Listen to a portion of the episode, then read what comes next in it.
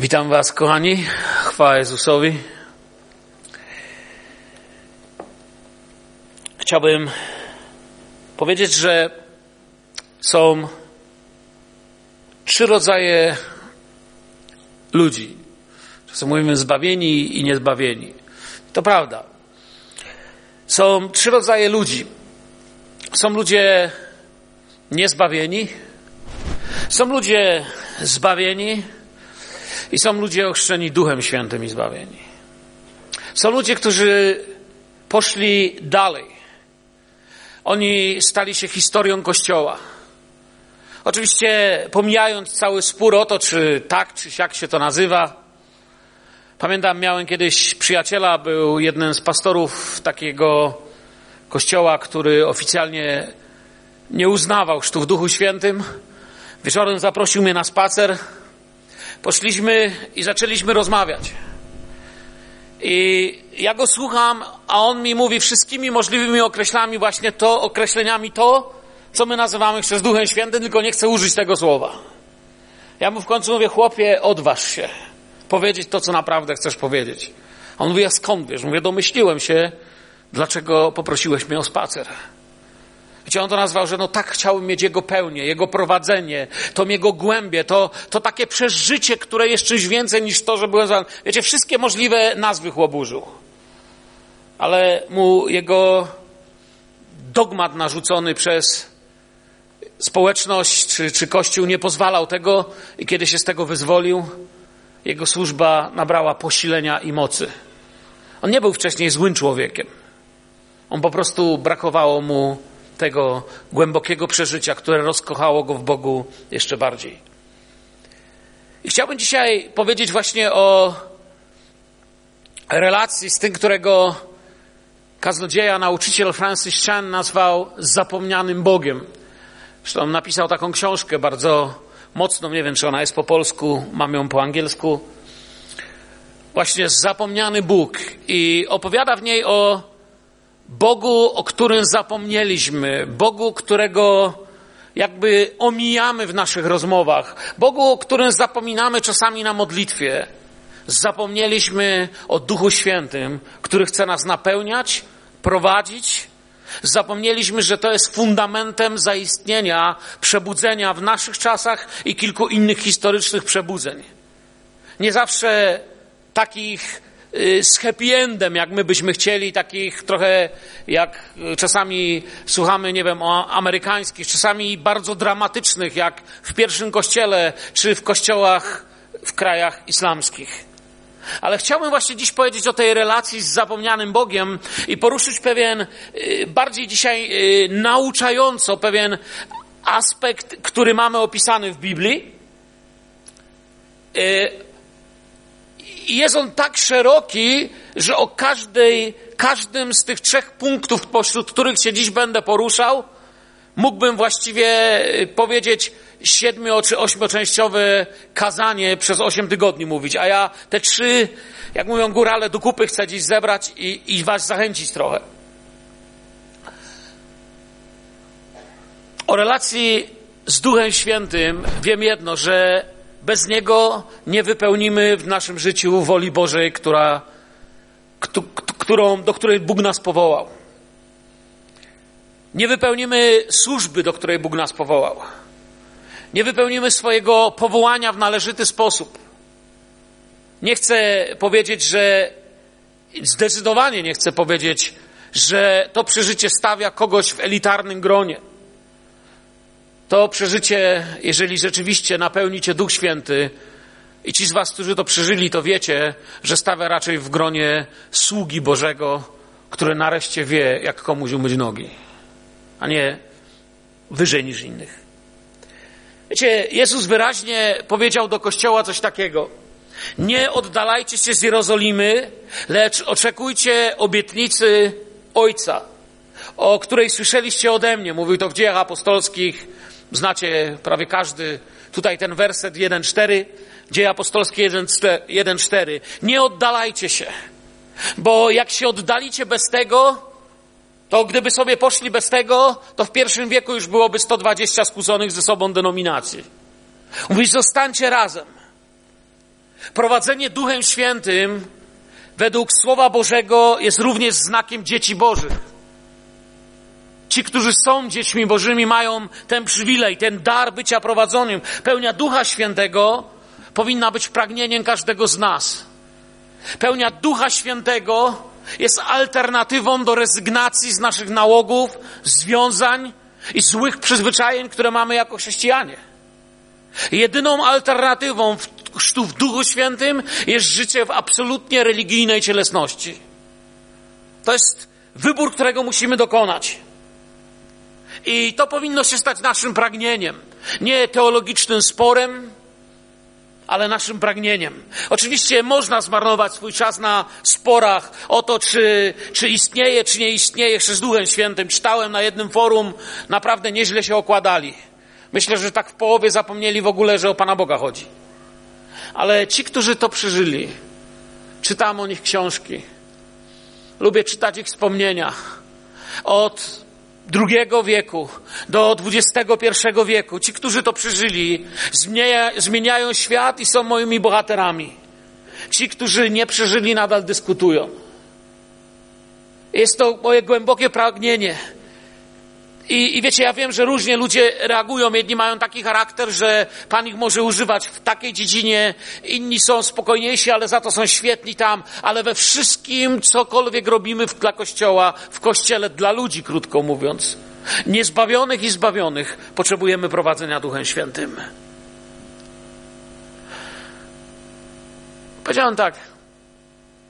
Jeśli znajdę Twoje dziecko w barze, nie wiem, przechodząc spojrzę i nie wiem, twoje dziecko będzie wychodzić pijane z baru. Czy moje? Moje siedzi tu i trzeźwe siedzi. Czy mogę powiedzieć, że przez ciebie tam jest, że ty go tam zaprowadziłeś? Absolutnie nie. Czy jeśli złapie twoje dziecko albo moje dziecko na złodziejstwie, czy mam uwierzyć, że to jest to, jak go wychowałeś? Absolutnie nie. Oczywiście, że nie. To jest twoje dziecko. Chciałeś, żeby było kimś dobrym i szlachetnym. I podobnie chce Bóg, aby nas jako wierzących świat nie przyłapywał na tym, do czego On nie prowadzi. I dlatego ci są dziećmi Bożymi, których Duch Święty prowadzi. Kto nas prowadzi? Co kształtuje przez ostatnie lata Twój i mój chrześcijański charakter? Kto nas prowadzi do plotek, gniewu i obłudy? Czy Duch Święty?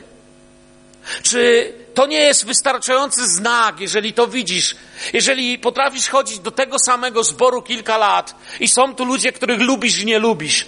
Czy nie powinno ci się zapalić czerwone światełko, brak oleju? Każdy kierowca wie, że jak się zapali czerwone światełko, brak oleju, to ja nie znam kierowcy, który mu machnie ręką, bo ja tam olej głupi to jeszcze w końcu nie całe auto, to tylko olej. Nie? To jest koniec, jeśli nie zareagujesz na to. To dalsza jazda oznacza mnóstwo kłopotów za chwilę. Powinno się nas zapalać czerwona lampka, kiedy czujemy, że nasze życie po wielu latach chrześcijaństwa prowadzi nas do sporu, do lubienia, nielubienia, do obrażania, nieobrażania się i tak dalej. Kiedy ciągle nie możemy wejść na grunt, w którym możemy stać się dla Królestwa Bożego narzędziami, do czego jesteśmy powołani. I chciałem dzisiaj, jak powiedziałem, poruszyłem, sami widzicie, temat, który podejrzewam, że, że ja bym mógł mówić tutaj 15 wykładów z przerwami, a potem pastor by powiedział 30 jeszcze. I, i końca by nie było. Tak głęboki temat, ja próbuję parę rzeczy dzisiaj tylko wam powiedzieć, które pozwolą zobaczyć celniej nasze powołanie. Wiecie, powiedziałbym, że ja powiedziałem, są tak trzy rodzaje ludzi, prawda? Niezbawieni, zbawieni i napełnieni Duchem Świętym. Są trzy rodzaje ciekawych przeżyć, takiej delikatnej typologii, nawet bym powiedział, Starego Testamentu. Jest Egipt, jest pustynia i jest Kanaan. Trzy całkowicie inne doświadczenia duchowe każdego chrześcijanina. Trzy doświadczenia duchowe człowieka, który przy, już przy pierwszym widać, że jest powołany przez Boga. Ja bym to powiedział, że to jest opowieść o chrzcie w Duchu Świętym, opowieść o pełni Ducha Świętego, albo inaczej, opowieść o całkowitym zanurzenia się w tym, który jest moją miłością, moim Panem. Zobaczcie na Izrael w Egipcie. Egipt. Świat faraonów i najkrwawszych bożków historii religii. I w niewoli żyjący naród Izraela. Naród, który ma całkowicie inne powołanie. Chcę Ci powiedzieć, Twoje powołanie i powołanie ludzi, którzy nas codziennie mijają, jest inne. Bóg ma inny plan dla człowieka. Kiedyś i nieraz głosząc swoje świadectwo mówię, że diabelskim planem dla mojego życia było, żebym wyglądał tak jak mój kolega z ławki szkolnej, którego jakiś czas temu mijałem na ulicy. Obsikane spodnie, brudna kurtka, czerwona pobita buzia i absolutne, totalne pijaństwo w oczach. Absolutny niewolnik diabła idący na jego łańcuchu. I takie same plany miał wobec mojego życia diabeł. I dlatego Ewangelia jest potrzebna. Ktoś miał odwagę zawołać i obudzić we mnie to, co dawno Bóg dla Ciebie i dla mnie i dla wielu ludzi jeszcze w świecie miał. Sens życia dla Boga, sens życia niezmarnowanego.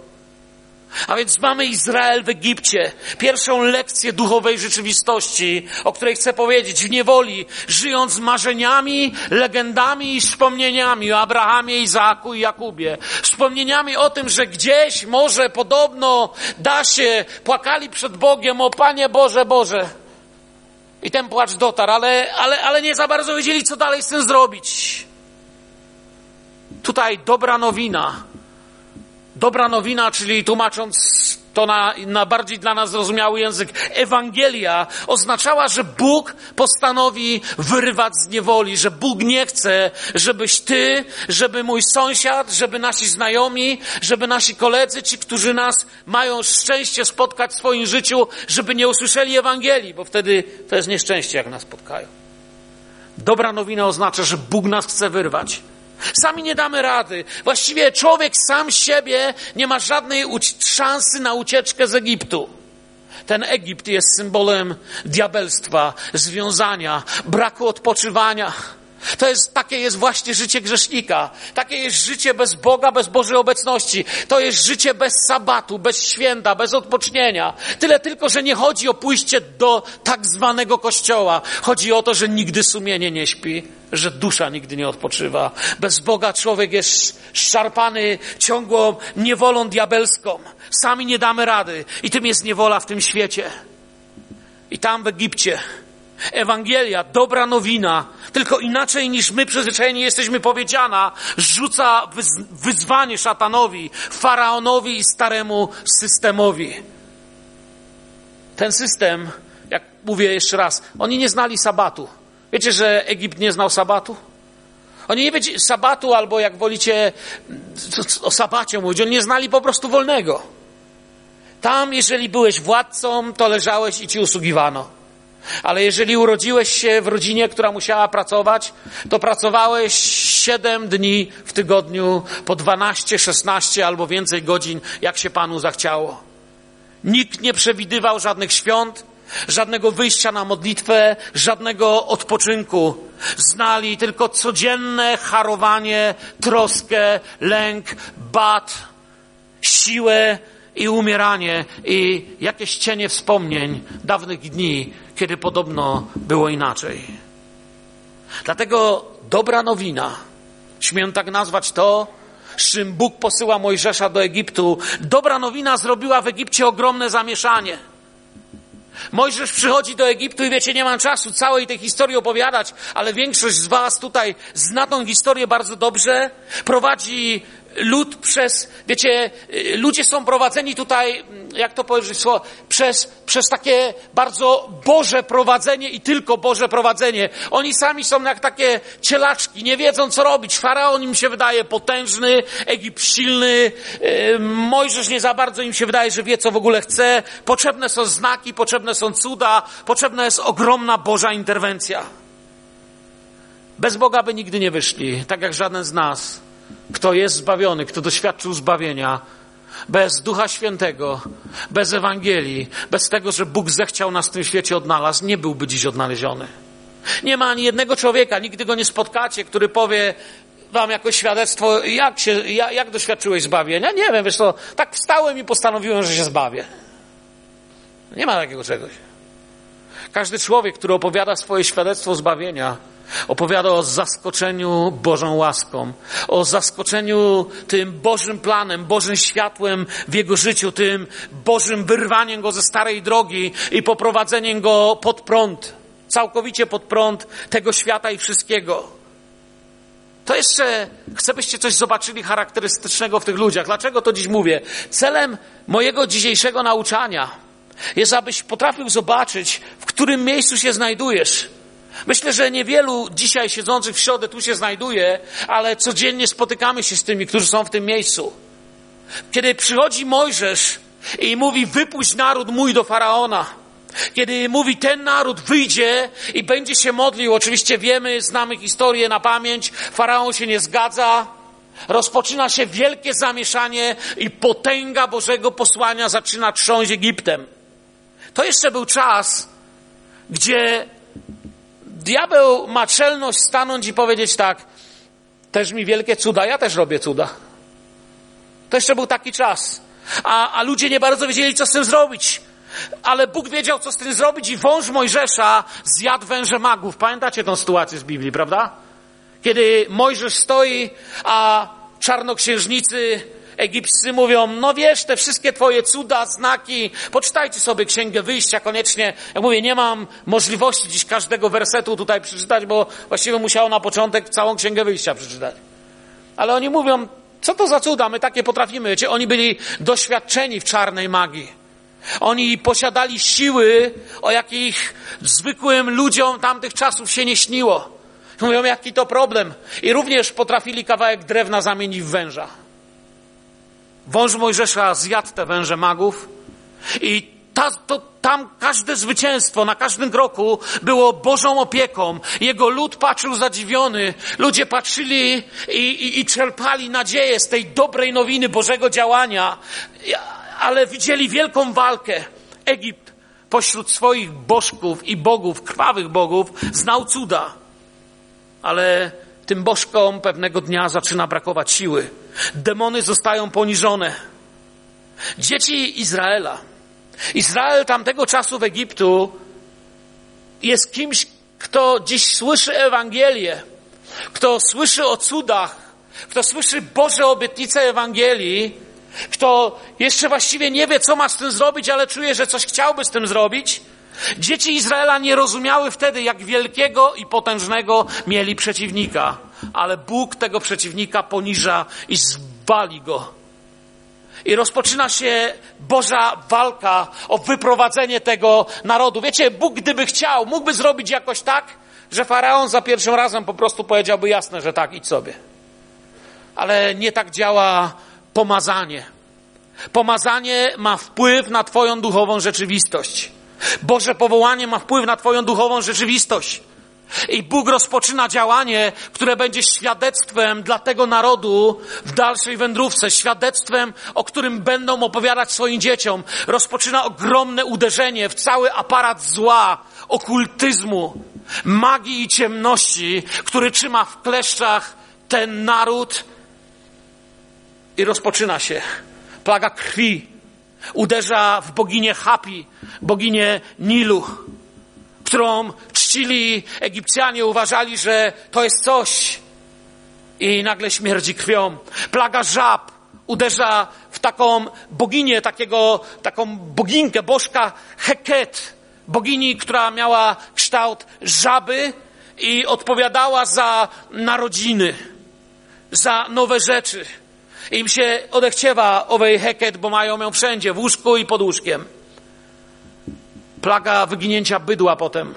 Uderza w, w, w bożka, w bóstwo zwane Hathor, boginię nieba i matkę w kształcie krowy, którą czcili. I oczywiście wielkiego legendę religii Egiptu, wielkiego Apisa, boga płodności, byka. Plaga wrzodów się potem pojawia. Zobaczcie, ona każda z tych plag coś uderza. Ona, ona, ona rujnuje. Wiecie, ona robi to, co potem Jezus przyszedł robić Ewangelią. Przyszedł Jezus po to, aby zniszczyć dzieła jakie? diabła. Przyszedł zniszczyć. I Jezus dzisiaj nie nazywa, nie mówi Jezus dzisiaj, wiecie, tych wszystkich nazw bożków egipskich, ale Jezus dzisiaj mówi do nas, słuchaj, idź, ja cię posyłam. I ono nie odpuści, ale ja zwyciężyłem. Ja pokonuję alkoholizm, pokonuję nałogi, pokonuję pornografię, pokonuję nienawiść, pokonuję wszystkich bożków egoizmu i nieczystości naszych czasów. Plaga wrzodów, jak mówiłem, uderza w boginkę Sech, Sechmet, się to wypowiada. Wiecie, ciekawa rzecz. Y, jej kapłanki przyrządzały różnego rodzaju napoiki do picia, lekarstwa, coś nad nimi odprawiając. Nikt nie wiedział, co to jest, ale ludzie to pili, ludzie to brali, ludzie to spożywali, albo kładli ręce na ludzi, dziwne rzeczy szeptali. Ludzie byli uzdrawiani naprawdę. I Bóg uderza w to ubóstwo. Plaga gradu szaranczy uderza oczywiście w Seta i w Izis. Bożek pogody i bogini życia. Poniża bożka Min, odpowiedzialnego za urodzenia i urodzaj. Za w ogóle za rodzenie w sensie przyrody. Dziękowano, miał specjalne nabożeństwa, wiecie, dziękczynne w Egipcie. Robili coś na, na wzór dożynek i wypowiadając tajemne słowa, dziękowali mu za ziarno i za plony. Potem uderza plaga ciemności i obnaża słabość i nicość kogo? Musiała być plaga ciemności w Egipcie. Wiecie dlaczego? Bo jednym z największych bóstw Egiptu był Amon Ra, słońce Egiptu. Amon Ra i Horus. I na koniec Bóg nad wszystkimi bożkami Egiptu uderza w Ozyrysa, śmierć pierworodnych, w sędziego umarłych i patrona boskości faraona. Tyle pozostaje z boskości faraona i z całej magii Egiptu. I Egipt puszcza. I naród wychodzi pośród cudów. Naród ma świadectwo, że Bóg, który ich prowadzi, może. Że Bóg, który ich prowadzi, jest potężny.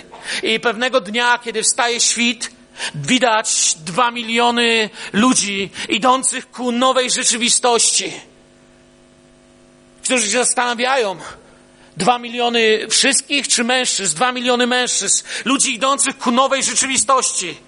Słowo Boże mówi, synowie izraelscy wyruszyli z Ramses do Sukot w liczbie około 600 tysięcy mężów pieszych oprócz dzieci, a szło z nimi także mnóstwo obcego ludu i trzody i bydła, bardzo liczny dobytek. Stąd mówię, jest dyskusja, czy ich było dwa miliony, czyli łącznie wszystkich, czy sześć milionów ich było, jak to było. Nieważne, ja nie wiem, nie miałem aparatu i nie byłem tam, ale wiem jedno, Bóg wyprowadza ich w potężny sposób na wolność.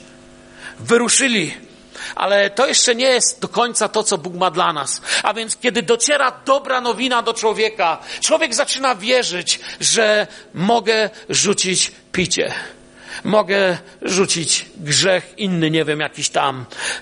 Trudno wszystkie grzechy teraz listą wymieniać. Mogę je rzucić, ale wiecie, w jakim miejscu oni są wyruszając? Idą, ale to jeszcze nie jest centrum poczucia Bożego powołania i to, co Bóg ma dla nich, to nie jest koniec historii. To jest początek. Kiedy człowiek decyduje się coś zrobić z Ewangelią, którą słyszy i mówi, ja chcę ruszyć za Jezusem, to jest początek. Wyruszyli wyruszyli, ale na plecach ciągle czuli oddech diabła.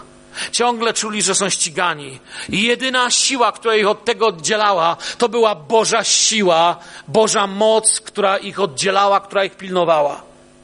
Ale czuli ten strach, ciągle się bali, byli narodem wystraszonym.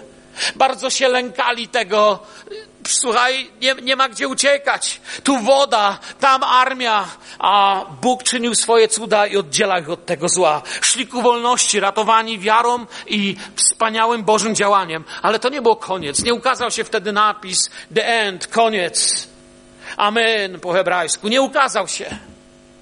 Bóg mówi, to tylko początek. To jeszcze nie jest wszystko. Czasami tak bywa, wiecie, że się człowieka zewangelizuje, mówi się mu przyjmij Pana Jezusa, no przyjął, dobra chłopie, teraz idziesz, jesteś zbawiony, idziesz do nieba. To nie jest koniec. To jest tylko pierwszy krok i mówiłem o tym kiedy indziej, nie będę, teraz nie chcę tego powtarzać. Jak mówię, szli, ale na plecach czuli oddech wroga. Druga rzecz, którą tam czytamy, szło z nimi mnóstwo obcego ludu. Że warto dodać, kim był ten obcy lud. Wiecie, każdy, słyszycie mnie?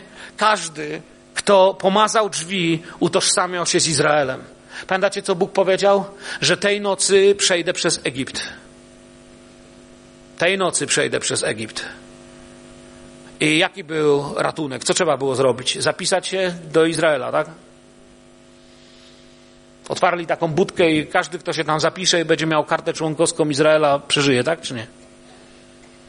Nie jesteście pewni. Sprzeciwcie się takiemu gadaniu. Powiedzcie nie. Nie, jest tak, jak jest dziś. Każdy, kto położy swoją ufność w Bogu Wszechmogącym, ten ocaleje. I wyrazem wiary było pomazanie swoich drzwi krwią. Każdy, kto pomazał drzwi, utożsamiał się z Izraelem i stawał się jego częścią. Pod tą krwią Egipt już nie był ich domem. Świat nie jest domem mym. Ja mam tu przechodniem jest. Pamiętacie tą starą pieśń? Skarby w niebie są, nie w tej dolinie łez. Świat nie, Egipt nie jest już moim domem. Pomazałem drzwi. Staję, moje życie ukrywam pod krwią. Ty mnie prowadź, bo ja sam nie wyjdę. To jest ten moment, to są te najgłębsze przeżycia. Ja pamiętam. Wiecie, jednym z moich najbardziej poruszających wspomnień, szczególnie kiedy zostałem jednym z pastorów tu w zborze, było to, że tylu z was przecież modliło się o mnie. Pamiętam, jak brat Zbyszek Sobczuk, pastor Edward Lorek modlili się, żebym przestał kurzyć papierosy. Moje dzieci nie wierzą, że ja paliłem kiedykolwiek. Ale był czas, kiedy wyszedłem do przodu i poprosiłem, pomóżcie się, bo sobie z tym nie mogę poradzić. I wyrzuciłem je do rowu w wapiennicy koło torów. Mam nadzieję, że już przetawnione, że nie dostanę mandatu, jak ktoś tego odsłucha. Za zaśmiecanie środowiska w sensie, ale to naturalny produkt, rozłożył się. Słuchajcie, wracam do domu. Minęły dwa dni znowu, ale modliłem się, walczyłem, czułem na plecach oddech wroga. To było dla mnie, wiecie, jeździć wzruszające, że mogę tu dziś stać i mogę wam zaświadczyć. Bóg jest Bogiem wyprowadzającym na wolność. Powiecie amen. Bóg wyprowadza na wolność. Pod tą krwią Egipt już nie jest domem, ale to nie jest koniec historii. Następne wiemy oczywiście, że Izrael dochodzi do morza. Bóg przepięknie rozdziela wody Morza Czerwonego, Morza Sitowia, przechodzą przez te wody, woda się za nimi zamyka, znacie tą historię i to się kończy jedna z duchowych rzeczywistości. Powiedziałem, że są ludzie niewierzący i to jest to miejsce, kiedy kończy się bycie niewierzącym. Już tutaj nie ma niewierzących. Byli, widzieli, doświadczyli, ale jeszcze nie wiedzą, co z tym zrobić. Tu się zaczyna historia po drugiej stronie morza. Po drugiej stronie chrztu wiary. Po drugiej stronie wody. Po drugiej stronie morza stają przed pustynią. I Bóg oczywiście nie ma w planie dla nich pustyni. Ale Bóg wie, co się stanie. I my wiemy, co się dzieje, bo czytaliśmy, że przez swoją niewiarę spędzą tam 40 lat. Po drugiej stronie morza stają przed pustynią i to już jest, że tak powiem, praobraz, czy typ, jak wolicie, osoby wierzącej, która zaczyna doświadczać problemów, których ciągle doświadcza wielu z nas tutaj w naszym zborze. Bo tu są już wymagania. Tu nie ma już Egiptu, gdzie mogę narzekać, wiesz, no takie, no wiesz, sam widzisz, no faraon, wojsko, no chłopie, jak się masz, no stara bida, dobrze, że nowej nie ma, nie? To się kończy. Tego już nie ma. Tu są inne wymagania. Jest Bóg i teraz, teraz, żeby pójść dalej, trzeba żywej wiary, żeby żyć. Pustynia. Już nic nie ma. Nie ma nic z Egiptu, z jego kultury. Pozostały wspomnienia z Egiptu, ale już go nie ma. Nie ma to już nic, co egipskie nie ma znaczenia, ale to nie jest koniec. Wiecie, oni wyszli z Egiptu, ale znacie to powiedzenie, Egipt nie wyszedł z nich. Miejsce, do którego Bóg nas chce prowadzić, jest bardziej miejscem, gdzie był prorok Daniel. Pamiętacie Daniela? Daniel był w Egipcie, Daniel był w Babilonie, ale Babilon nie był w Danielu.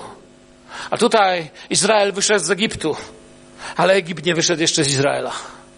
I to jest dla nich przeszkodą. Kiedy wchodzisz na grunt życia w wierze i zaczynasz ciągle i ciągle myślisz jak świecki człowiek. Ciągle myślisz, że osobie, która niesie krzyż, wolno się obrażać na bliźniego, Że wolno ci bezkarnie patrzeć komuś w oczy i niekoniecznie prawdę mu powiedzieć do końca? Ja nie mówię, że to robicie, ale, ale często widzę, jak to jest w kościele. Zdarzało mi się, że dwóch ludzi nie chciało się ze mną spotkać, dlatego że ze sobą nie chcieli rozmawiać. Im się ciągle wydaje, że są w Egipcie. I dlatego nigdzie nie mogą dojść i są włóczęgami, błąkają się pośród religijnego świata i wspomnień z Egiptu. Patrzenie wstecz to jest śmierć. To jest taka sama obojętność jak własne wysiłki. Jedno i drugie tyle samo warte. Nadal tutaj, albo jeszcze bardziej kluczem jest wiara i poszukiwanie woli Bożej. Podkreślam, poszukiwanie woli Bożej. Czego Bóg tutaj chce ode mnie? Gdzie, Panie, chcesz mnie posłać? Ja nie mówię o woli Bożej w sensie, wiecie, czy mam kupić te czerwone buty, czy czarne buty. Ja mówię o głębokim powołaniu, przekonaniu bycia narzędziem Boga i wykorzystywaniu tego gdziekolwiek w życiu jestem. A chcę, bracia, abyście dobrze wiedzieli, że ojcowie nasi wszyscy byli pod obłokiem i wszyscy przez morze przeszli. I wszyscy w Mojżesza ochrzczeni zostali w obłoku i w morzu. I wszyscy ten sam pokarm duchowy jedli. I wszyscy ten sam napój duchowy pili. Pili bowiem z duchowej skały, którą, która im towarzyszyła, a skałą tą był Chrystus. Wszyscy przez tą samą wodę przeszli. Amen? Ten sam chrzest. Tak czy nie? Wszyscy ten sam obłok doświadczyli, bo bez Ducha Świętego nikt nie powie, że Jezus jest Panem. Wszyscy. Ale nie wszyscy chcieli iść dalej. I dalej piąty werset, czytam Koryntian z dziesiątego rozdziału, piąty werset mówi, lecz większości z nich nie upodobał sobie Bóg. Chcę, żebyście wiedzieli, tutaj może troszkę zmylić to słowo upodobał. Większość z nich nie podobała się Bogu przez to, co robiła. W tym sensie. Większości z nich nie upodobał sobie Bóg, ciała ich bowiem zasłały pustynię. W tym miejscu, do tego miejsca doszli. I w tym miejscu wszystko się skończyło. A to stało się dla nas wzorem ostrzegającym nas, abyśmy złych rzeczy nie pożądali, jak tamci pożądali. To jest pytanie, co mamy w takim razie pożądać? Mamy pożądać upodabniania się do Jezusa. Mamy czytać rozdział hymn o miłości i patrzeć, czy to są cechy, które Duch Święty rozwija w moim życiu. Czy moją cechą jest cierpliwość dla bliźniego? Czy moją cechą jest pokora? Czy potrafię powiedzieć przepraszam? Czy potrafię powiedzieć proszę? Czy potrafię pomilczeć, a niekoniecznie popisywać się tym, jaki jestem mądry? Czy potrafię wziąć krzyż i uznać go za ważniejszy niż moje osobiste ambicje? Hymną miłości jest jak ręce garncarza. I z tego się rodzą owoce Ducha Świętego. A nieraz tu mówiłem, owoce Ducha Świętego to jest charakter Jezusa. Jeśli chciałbyś sobie opisać charakter Jezusa, poczytaj sobie o owocach Ducha Świętego. Bo czasem się łatwo rzuca hasło, no chcę naśladować Jezusa, chcę być jak Jezus się śpiewa. No ale to znaczy co chcę? Być jak Jezus w sensie co? Białą szatę nosić i sandały? Nawet nie wiadomo, czy taką nosił, nie? Tego nie wiemy. To wiemy raczej bardziej z tradycji żydowskiej niż nie ma zdjęć. Chcę być jak Jezus oznacza coś bardzo duchowego. Chcę posiadać w sobie owoce Ducha Świętego, bo z nich rodzi się to, co piękne. Oż, jeszcze raz szósty werset. A to się stało dla nas wzorem ostrzegającym nas, abyśmy Złych rzeczy nie pożądali, jak tamci pożądali. Nie bądźcie też bałwochwalcami, jak niektórzy z nich, jak napisano, usiadł lud, aby jeść i pić i wstali, aby się co? Bawić. Mojżesz poszedł i stracili wzór z oczu. Innymi słowami, przestali pamiętać, że idą w tym, co zaczął Bóg. Że to nie jest już ich własna zabawa, ich folwark że za nich nie odpowiada faraon, że są sługami Boga, że Bóg ich ma prowadzić. I zaczęli się bawić i zbudowali sobie bałwana. Wiecie, kiedyś przyglądałem się różnym wierzeniom. Studiowałem książkę, która opowiadała o różnych religiach w Imperium Rzymskim. Przyglądałem się faraonom, Patrzyłem na współczesne bałwochwalstwo i w pewnym momencie mnie olśniło nad książką. Wiecie, co zauważyłem? Że każdego bałwana budujemy sobie z tego, co dostaliśmy od Boga jako dar. co dostaliśmy od Boga z łaski, co dostaliśmy od Boga w innym celu. Materiał na bałwana nigdy nie jest naszą własną produkcją. Jest tym, co dał nam Bóg, byśmy uwielbili Jego imię. Byśmy byli silni w Nim i chodzili za Nim. A my z tego budujemy cielca. I to jest to, co tutaj się stało dla naszego ostrzeżenia. Paweł to napisał do Koryntian. To było wspaniałe wyjście z Egiptu, ale tu nie można zostać po tej stronie wody. Tu był cud, ale nie koniec drogi. Bez Boga by się tego nie dało, to jest oczywiste. Tak jak bez Ducha Świętego nie można powiedzieć Jezus jest Panem, ale to nie jest koniec. Le, bo nie chodzi tylko o to, żeby powiedzieć, a ja umiem powiedzieć Jezus jest Panem, znaczy, że mam coś wspólnego z Duchem Świętym. Tu nie tyle chodzi, wiecie, musimy zacząć myśleć po hebrajsku. Wiecie, jakie jest znaczenie hebrajskich słów słowo albo mówić? Kiedy w hebrajskim sposobie myślenia mówimy mówić albo słowo, to ono tylko wtedy ma sens, kiedy się dzieje, kiedy się staje, kiedy jest prawdą. Jeśli się nie staje, nie dzieje i nie jest prawdą, jest tym, co nasza cywilizacja XXI, wieku mówi, a tak tylko mówię, to w hebrajskim sposobie myślenia tego po prostu nie ma. To się nie dzieje, nie jest faktem, jest kłamstwem, jest nieistotne, nie wydarzyło się. Dla nich słowo mówić oznacza, że się dzieje, że to, co mówię, tak działam. Jeśli mówię, nie działam, to kłamię. Bez Ducha Świętego nikt nie powie, że Jezus jest Panem. Słyszycie to teraz lepiej? To jest to hebrajskie znaczenie.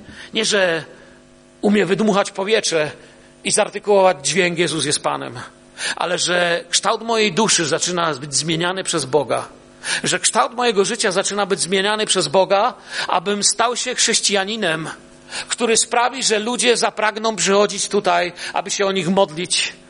Stanę się chrześcijaninem, w którym ludzie zobaczą Jezusa. Stanę się chrześcijaninem, który będzie w oczach ludzi świadectwem tego, kim był Pan. I to jest moje pragnienie dla mojego życia. To są te chwile, kiedy jako kaznodzieja stoję i mówię i nauczam, ale nie nauczam jako ten, który już osiągnął, ale bardziej marzę razem z wami, by osiągnąć, bo, bo dużo mi brakuje. I tak byli na pustyni. Wiemy, że z powodu swojej niewiary zaczęli marudzić, rozrabiać. W razie problemów, co zrobił Mojżesz? O, kiedyś całe nauczanie na ten temat wygłosiłem w innym zborze, że kiedy są problemy, to jest takie słowo, że Mojżesz zebrał ich wokół skały. Zbierz mój naród wokół skały. A skałą tą był kto? Jezus, nie? Zbiera się społeczność wokół Jezusa, ale nie zawsze im do przodu głowy.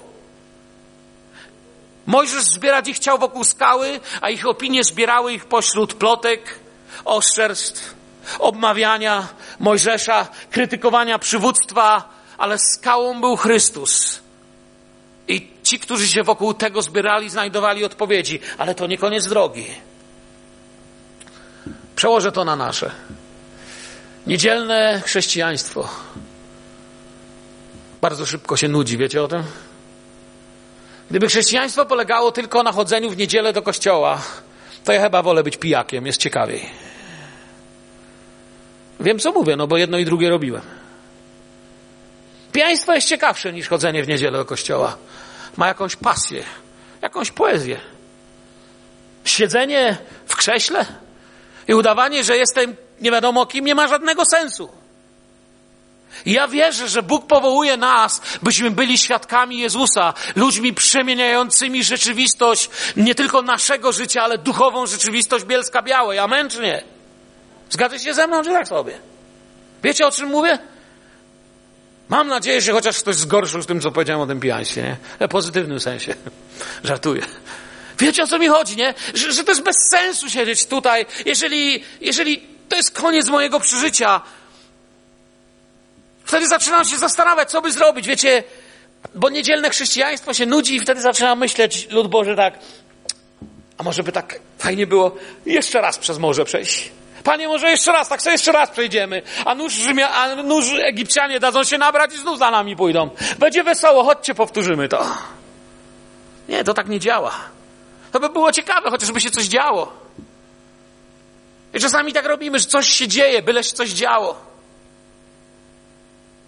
I ci, którzy tu są, Mówię o Izraelu, tam na pustyni zaczynają marudzić i wiara przestaje ich prowadzić dalej. Dopóki się nie wyzbędziemy tego, że Panie, powierzam Ci całe moje życie. Daję Ci siebie, daję Ci bezwarunkowe w mojej modlitwie, uwielbianiu prawo. I jeszcze powiemy słowo, daję Ci prawo do mojego życia, zdrowia, powołania i własności. Ale wiecie, pamiętacie hebrajskie znaczenie mówienia? Jeśli daję, to znaczy, że kiedy Bóg to weźmie, nie marudzę. Ale daję. Jestem prowadzony. Oni myśleli, że teraz będzie fajnie. Nie będzie Egipcjan, i kto wie, czy dalej na tacy nie będzie wszystkiego podawane.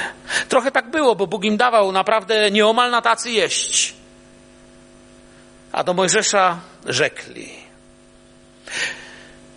Czy dlatego, że w Egipcie nie było grobów, wyciągnąłeś nas, abyśmy pomarli na pustyni?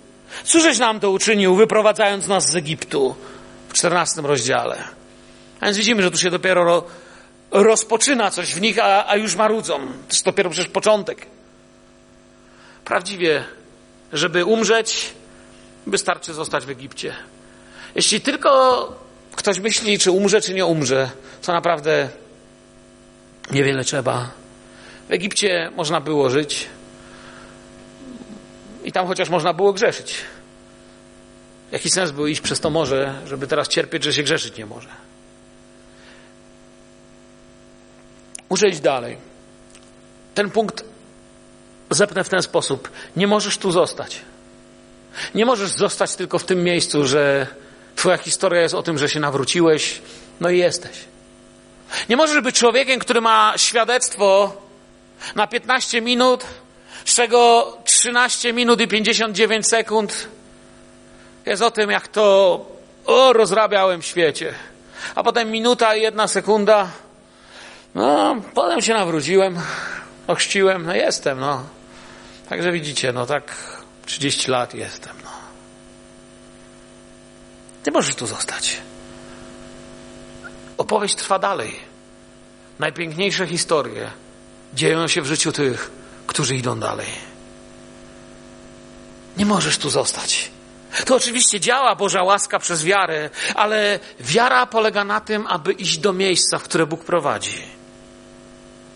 Widzicie, i odkrywam, że kiedy zapominam o tym, czyją świątynią jestem, kiedy Kościół zapomni o tym, kto powinien go napełniać, kto go oczyścił i kto go powinien napełniać, to w takim człowieku czy w kościele bez Ducha Świętego pojawia się marudzenie. Nawróciłem się, no i co? I wtedy wiecie, największym świadectwem takiego biedaka jest to, że no przestałem palić 30 lat temu. Chwała Bogu. No czemu nie powiedzieć chwała Bogu? I chwała Bogu. Ale to naprawdę Bóg coś więcej ma. Rozumiecie, o czym ja mówię? Ja nie umniejszam tego. To był cud na tamten czas. Ale to nie był cel mojego powołania, mojego ożywienia. To nie był cel Golgoty, żebym po prostu coś przestał robić, ale celem Golgoty było, abym zaczął kimś być i zaczął naprawdę kogoś naśladować, Jezusa. Po 10 latach, 20, 30, nie mamy pragnienia czegoś więcej? Czy wszystko, co chcę, to nie iść do piekła? Chcę Ci powiedzieć, Bóg dla Ciebie i dla mnie ma coś dużo większego. I zaczynają marzyć.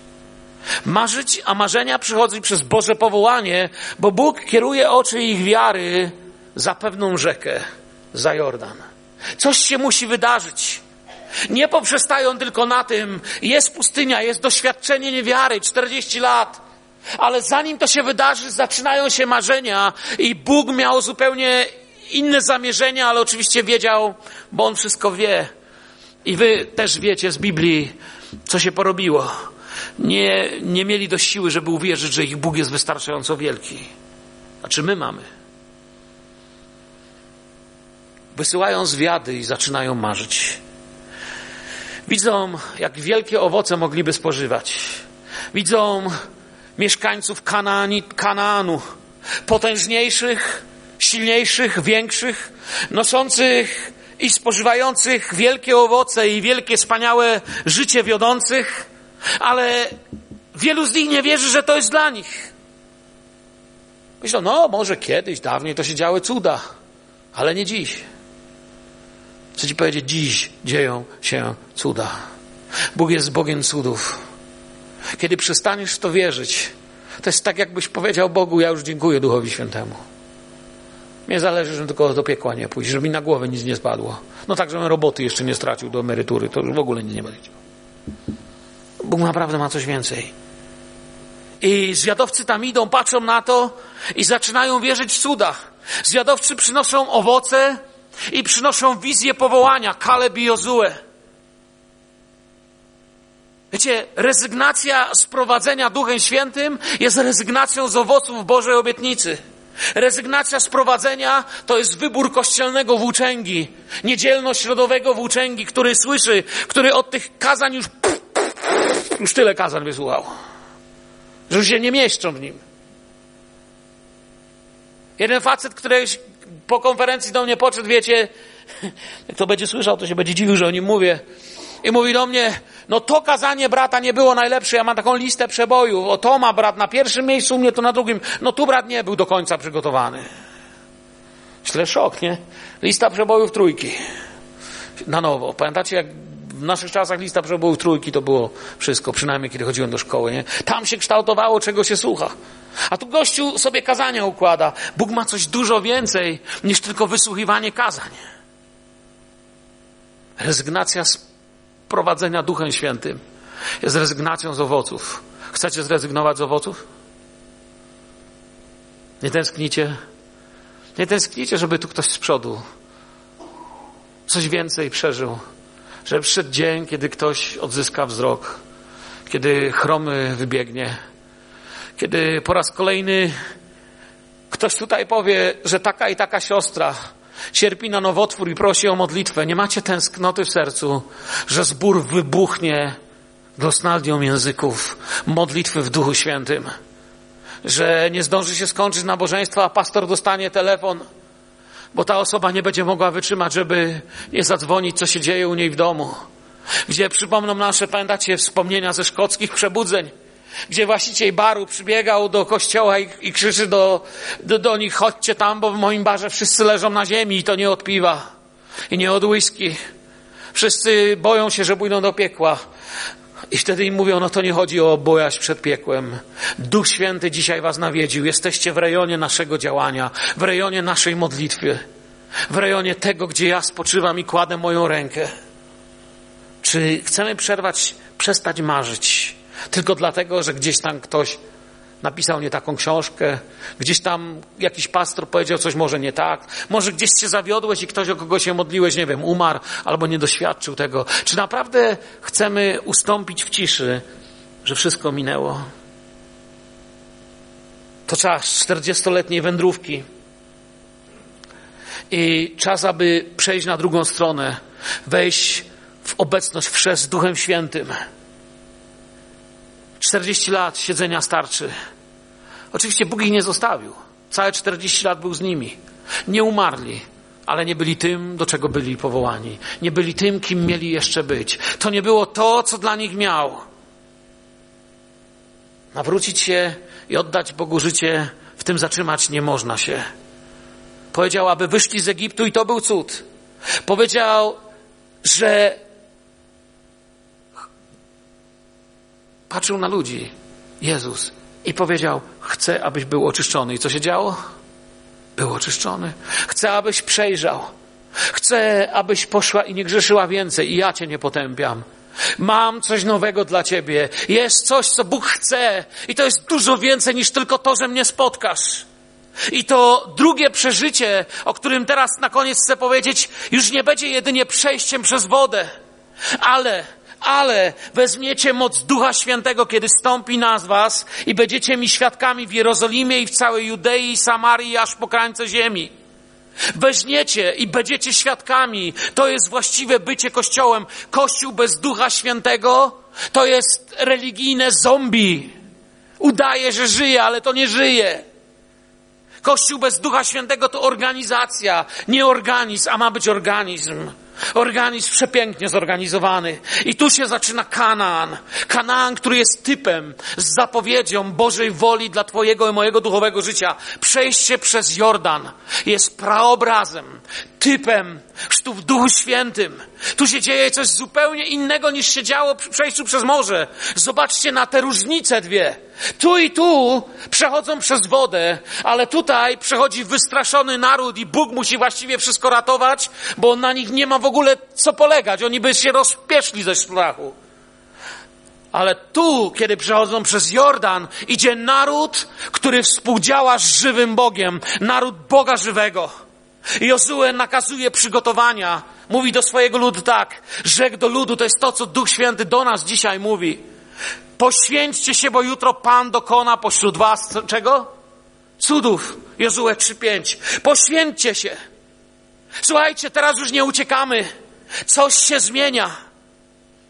Jezus stoczył walkę z diabłem na pustyni dopiero wtedy, kiedy stąpił na nim Duch Święty. Kościół stał się skuteczny, kiedy stąpił na niego Duch Święty. Kiedy w Duchu Świętym zaczyna się działanie, nasze powołanie, pomazanie jest skuteczne. Coś się zmieniło. Teraz dopiero Izraelici wchodzą w duchową wojnę. Można by było, że wcześniej powiedzieć to, co już powiedziałem, to, to ich Bóg ratował, ratował, bo oni, jeszcze raz to powtórzę, rozpieszliby się ze strachu. Ale tu już zupełnie inny naród widzimy. Wiecie, czasami dla nas duchowa wojna to słowa, bo na nich poprzestajemy. To, że walkę toczymy nie z krwią i z ciałem, to nie znaczy, że chodzi o słowa, bo również i nie ze słowami. Dla wielu z nas to coś, o czym nie słyszeli. Stąd mamy dzisiaj chrześcijan korzystających z pomocy homeopatów. I nie ma dla nich żadnego problemu. Nie da się dzielić społeczności demonów i Ducha Świętego razem. Mamy chrześcijan czytających horoskopy i nie ma dla nich żadnego problemu. Uprawianie religii starodawnego Egiptu i łażenie do kościoła nie gryzie się im. I wiele innych rzeczy mógłbym wymienić. Duchowa wojna to nie słowa. Mamy przykłady. Są ludzie, którzy mówią nieprawdę, lekko. Słuchajcie, ojcem kłamstwa jest kto? A więc, żeby kłamać, trzeba z nim współżyć. Wybaczcie za język dość intymny. Ale ten, kto kłamie, uprawia współżycie z szatanem, ponieważ on jest ojcem kłamstwa. Nie da się patrzeć w oczy człowieka, którego zamieszkuje tchnienie Jahwe i mówić mu nieprawdę. Mówiłem o tym wcześniej, będę się powtarzał. Walkę toczymy nie z krwią i z ciałem, ale nie chodzi o słowa. Wiecie, takie życie w układzie takim, że ja nie ruszam diabła, a on niech mi da spokój, to jest korupcja, to nie chrześcijaństwo, to nie powołanie. Takich bożków i pragnienia mają poganie. To, co mówiłem już, byle mi na głowę nic nie spadło, byleby jeść co było. No i tak, żeby pracy nie stracić. No i tam, panie, żeby córka dobrze za mąż wyszła. To nie jest to, co Bóg ma dla ciebie. To są tylko szczegóły. Tu się coś innego dzieje. Chcę, żebyście zobaczyli ten naród, jak on się zmienił, jak jest inny. Wcześniej naród uciekał, a odważny Egipt biegł za nim. Było tak czy nie? I Bóg ratował biedaków, bo jeszcze raz, trzeci raz powtórzę, rozpieszniby się. Tutaj idzie naród i drży po drugiej stronie Kanaan. Ludzie ze strachą dleją, mówią, idzie naród. Bożkowie Kanaanu nie wiedzą, gdzie się ze strachu podziać. Religie kanańskie nie wiedzą, co z sobą zrobić. Idzie naród, pod którego stopami i modlitwą drżą mury. Idzie naród, przed którym diabeł nie wie, gdzie ma się schować. Drży cały Kanaan. Wracają zwiadowcy i mówią, słuchajcie, tam jest jedna wielka panika. Tam nie ma nikogo, kto by się odważył postawić, bo nasz Pan i nasz Bóg jest z nami. I wtedy padają te sławne słowa: Uświęćcie się jutro, bo jutro idziemy przez Jordan. Jak ma się dziś zrozumieć? Jeżeli w Twoim życiu jest kłamstwo, cudzołóstwo, pornografia, związania, i przecież nie wymienię wszystkiego. Jeśli w Twoim życiu jest coś, co ciągle jest przeszkodą, jeżeli od dwóch czy trzech lat nie przyprowadziłeś tu do zboru ani jednej osoby, żyjesz w duchowej korupcji, jesteś skorumpowanym chrześcijaninem. Ja nim jestem, jeśli tak żyję. Każdy z nas mamy inne powołanie. A więc posłuchajmy, co mówi Jozue. Uświęćcie się. Wyznajmy to. Jak się uświęcać? Co to znaczy uświęcać się? Definicja uświęcenia jest taka. Uświęcać się znaczy stawać się podobnym do Jezusa. Amen. Wyznaj dziś to, co cię blokuje. Przyjdź przed Boże oblicze dziś i powiedz, Panie, ja sobie z tym nie mogę poradzić. Ja tego nie chcę. Ja chcę Ciebie. Ja się nie chcę budzić w depresji o drugiej w nocy. Ja się chcę budzić o drugiej w nocy i słyszeć, jak się modlę sam siebie, jak się modlę w Twoim Duchu Świętym, jak się modlę i wylewa się ze mnie rzeka wody żywej. Chcę podnieść moje ręce o trzeciej nad ranem, jeśli nie mogę spać i uwielbiać Ciebie. Macie takie pragnienie? To jest to, co gdzieś we mnie, wiecie, nie zgadzam się, żeby było tak, jak jest. A jak się to łatwo mówi z kazalnicy, wam powiem. Jak sobie pomyślę, że zaraz potem trzeba tym żyć, nie? Wiecie, jak się tu fajnie skacze i krzyczy? Ale to coś więcej jest. Dochodzi do, do uświęcenia się ludu. Nie oddalajcie się, a stąpi na was moc wysokości. Nie oddalajcie się od podstaw. Dochodzi do obrzezania ludu. Znów tworzą świętą wspólnotę. W tych dniach ustaje manna. Oni już nie są narodem, który teraz potrzebuje, żeby Pan Bóg im tylko po prostu dał, dał, dał am. Macie tu jeść. Zmieni się rodzaj cudów, które doświadczają. Do tej pory cud był taki, uratowanie ich, żeby nie uciekli ze strachu, nakarmienie ich, żeby nie umarli z głodu, no i żeby nie skończyli jako nadzy nędzarze, to Bóg ich po prostu przeprowadził. Ale teraz Bóg zmienia rodzaj cudów, które doświadczają. W Egipcie to był cud sądu i zbawienia. Na pustyni to był cud zaopatrzenia, ale teraz wchodzą w duchową rzeczywistość, w cud walki, współdziałania i wspólnoty. Nie oddalajcie się z tego miejsca, zostaniecie wyobleczeni mocą z wysokości. To koniec czasu ucieczki, chowania się, to czas zwycięstwa. Przechodzą przez Jordan i wchodzą do obietnicy. Słuchajcie, samo przejście przez Jordan to kilka przepięknych kazań zostało na ten temat powiedzianych. Posłuchajcie sobie archiwalnych kazań, 92, 93 rok, pastor Edward Lorek, ja mam te kazania. I wiele innych. Te archiwa są dostępne. Ostatnio mówiłem, już mamy spichlerz tutaj. Mamy na stronie kazania, jak jedziesz samochodem, włącz sobie. Zacznij się modlić, zacznij prowadzić modlitewne życie. Zacznij się modlić o swoje miasto i ludzi, którzy cię otaczają. Zacznij wchodzić w zupełnie inną realność. Tu już nie jest jeden Mojżesz. To jest następna różnica. To nie jest tak, że jeden Mojżesz ledwie po znajomości z Panem Bogiem wie, co robić. Cały naród wie, co robić. Cały naród idzie jak jedno i przed tym narodem się boją. Nie mówią, słuchajcie, to tam taki jeden. Nie, to jest taki naród i taki ich Bóg. Ich cuda są już zupełnie inne. Chodzą w modlitwie i świętości i mury Jericha się walą. Już nie są ściganym narodem ratującym się ucieczką. Są Bożym narodem, przez który drży, przed którym drży świat.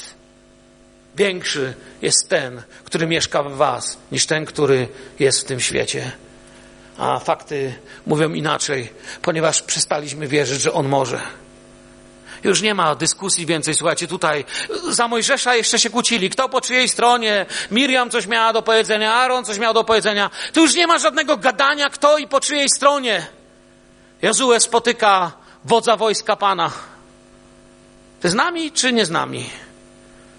Ona nie z wami, a nie z wami. Ja jestem Bogiem. Poczytajcie sobie piąty rozdział Księgi Jozuego, czternasty, piętnasty werset. Ani po waszej, ani po waszych nieprzyjaciół, odpowiada zapytany, po czyjej stronie jest. Jestem dowódcą wojska Pana i właśnie przyszedłem. Jozue upadł na twarz, pokłonił się mu i zapytał, co mój Pan rozkazuje swojemu słudze? Zdejmij z nóg sandały, odpowiedział dowódca wojska Pana. Miejsce, na którym stoisz jest bowiem święte i Jozue wykonał to polecenie. Kanaan. Wejście w zupełnie inną relację z Bogiem. Bóg czeka. Bóg ma dla ciebie właśnie taki plan. Ja nie wiem, szczegółowo nie umiem powiedzieć, czy to Warszawa, Bielsko, Katowice, czy może Moskwa albo Ulaanbaatar. Ale wiem, że na pewno ma taki plan, że przez Jego obietnicę możesz zacząć zmieniać rzeczywistość. Tu są owoce, tu jest walka, tu jest pasja, tu nie ma strachu. Jericho pada w strachu i panice. Ja cię, ja, ja bym jeszcze teraz mógł godzinę mówić, bo wiecie, co się dzieje potem? Jericho pada i wtedy się zaczyna to myśmy są jednak fajni goście. Patrzcie na to Jericho. Ostrzeżenie dla nas przed niebezpieczeństwem. To nie nasi tradycja naszych ojców wiary. To nie tabliczka na naszym budynku. To nie świadectwa z chrześcijanina sprzed dziesięciu lat. To dzisiaj Twoje tutaj, Twoja pokora, Twoje aj. Wyruszają pod aj i dużo mniejsze miasteczko daje im taki łomot, że nie wiedzą, gdzie uciekać. Aj ich pokonuje bez żadnego problemu. I nagle czują, że to właśnie coś w środku jest nie tak.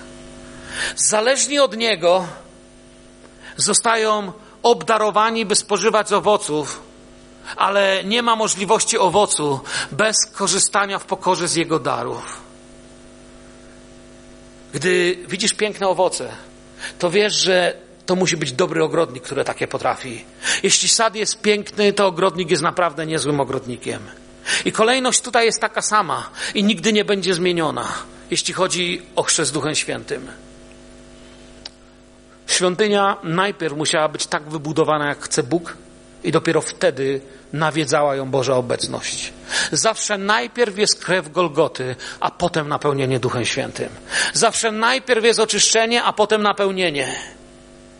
I nie ma żadnego gadania typu, bracie, Duch Święty jest mi dany od nawrócenia. Oczywiście, że tak.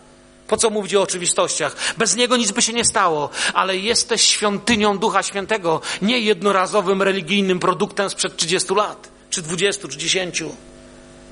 Jesteś kimś, kto w tym musi być życie. A więc mamy Ducha Świętego. I co On z nami zrobi? Czy jestem szczęśliwy, kiedy na moich oczach tonie Titanic? Kiedy ludzie na tym świecie, wiecie, ja się patrzę, myślę, że idą takie czasy, że Kościół naprawdę będzie potrzebny. Ja wiem, już mój czas minął, już przekroczyłem o 7 minut, ale chcę Wam powiedzieć, kiedyś byliśmy daleko na wschodzie w jednym ze zborów i pamiętam, byli ze mną Amerykanie i brat z Ameryki mówi, ty chłopie, jak można w kościele na nabożeństwie spędzić 4,5 godziny? Znaczy nie bójcie się, to nie jest zapowiedź, że tyle będę mówił. Wiecie, kiedy zrozumiał, jak można? Kiedy zrozumiał rzeczywistość ludzi, którzy tam spędzali. Oni poza tym zborem już niczego nie mieli. Wszystko zostało im zabrane. Z wszystkiego musieli zrezygnować. Wszystko zabrała im najpierw komunizm, potem wojna i bieda. Kościół był dla nich centrum życia. My często biegniemy, bo mamy tyle innych spraw i dobrze, że żyjemy w bogactwie. Dobrze, że w sklepie jest sklep, prawda, że dobrze? Dobrze, że mamy pełne sklepy. Ale nie zapominajmy, po co jesteśmy powołani. Jeśli tak myślimy, to wtedy trochę tak jak wiecie, myślą dzieci, że mleko jest ze sklepu. Mleko nie jest ze sklepu. Mleko jest najpierw od krowy. Wszystkie błogosławieństwa nie są dlatego, że się nam należy, bo fajny kościół, bo fajne czasy. Najpierw są od Boga. Kiedy weszli do Kanaanu, do tej ziemi, to była wojna, ale również ich pełna wolność i możliwość odpoczynku dla ich domów, dla ich rodzin. Teraz wróg wiedział, że musi drżeć. I tam mieli to objawienie, razem na jednym miejscu weszli. I wiecie, jakie były następne plany diabła? Jeśli zaczniecie studiować historię Izraela, to będziecie mieć ostrzeżenie dla samych siebie, dla nas. Od tej pory wróg zaczął planować jedno: jak ich oddzielić od źródła wody żywej i jak ich oddzielić od Boga. I niestety wiemy, jak się to potoczyło. Wiemy, że doszli do miejsca, gdzie krzyczeli: Świątynia, świątynia, świątynia Pana jest tu, Pan w niej mieszka, nic nam nie grozi. A prorok, który odważył się powiedzieć inaczej, został uwięziony i sponiewierany. To nie świątynia, to nie historie, ale rzeczywista obecność Ducha Świętego. Chcę dzisiaj zapytać. Chciałbym się pomodlić o każdego z Was dzisiaj. To znaczy, w sensie nie będę do każdego podchodził, ale chciałbym, abyśmy pomodlili się o tych, którzy czują dzisiaj, że nie chcą być w tym miejscu, gdzie są. że chcą prosić Boga o pełnię, że chcą dziś wrócić do domu i chcą nie tylko tu, w czasie, kiedy będziemy prowadzić modlitwę, ale chcą i potem z wiarą doświadczać i modlić się, Panie, napełnij mnie Duchem Świętym. To jest rzeczywiste i prawdziwe przeżycie. Panie, wprowadź mnie, ale Panie, ja nie chcę jakiegoś daru, który nie wiadomo skąd po prostu jak klocek spadnie mi na głowę. Chcę się przed Tobą uświęcić. Chcę Ci wyznać wszystko, co przeszkadza Tobie w moim życiu. To nie jest coś automatycznego, co Bóg musi. To jest coś, co Bóg pragnie Cię obdarować, jeśli chciałbyś to przyjąć na Jego warunkach. Najpierw jest krzyż i krew, a potem jest napełnienie. Czy ktoś z Was, bracia, siostry, czuje, że potrzebuje modlitwy dzisiaj, że nie chce zostać w tym miejscu, jedna, druga ręka? Są ręce podniesione. Przyjdźcie tutaj, żeby się cały zbór i wszyscy mogli o Was pomodlić. Chodźcie. Miejmy teraz czas takiej modlitwy. Poproś, prośmy, prośmy dziś Jezusa za tych, co mieli odwagę wyjść tu, aby nie tylko doświadczyli, wiecie, tego, my nie walczymy tylko o to teraz, żeby ktoś się modlił na językach. Walczymy o to, abyś stał się w pełni y, możliwym do użycia narzędziem Bożym, które chce doświadczać Bożej pełni. Chodźcie bliżej, nie bójcie się. Ja wiem, że jak się długo mówi, to się pluje, ale nie aż tak daleko. Chodźcie. O Panie, Aleluja, aleluja. Cały kościele, proszę, podnieśmy ręce, błogosławmy tych, którzy wyszli do przodu. A was, którzy wyszliście do przodu, proszę, otwórzcie wasze serca, wasze myśli uwolnicie, nastawcie się na proszenie Boga, nastawcie się na modlitwę, podnieście w górę wasze ręce, wasze serca i módlmy się, Panie, prosimy Ciebie, duchu mądrości, duchu rozumu, duchu bojaźni Bożej, abyś spoczął, abyś przygotował serca tych, którzy tutaj wyszli do przodu. Proszę Cię w Twój szczególny sposób, Panie, abyś dzisiaj napełnił przez wiarę tych, którzy są gotowi odrzucić swoje stare przyzwyczajenia, stare, zwykłe tylko chodzenie tutaj, którzy chcą odrzucić brak powołania, brak mocy, brak uświęcenia.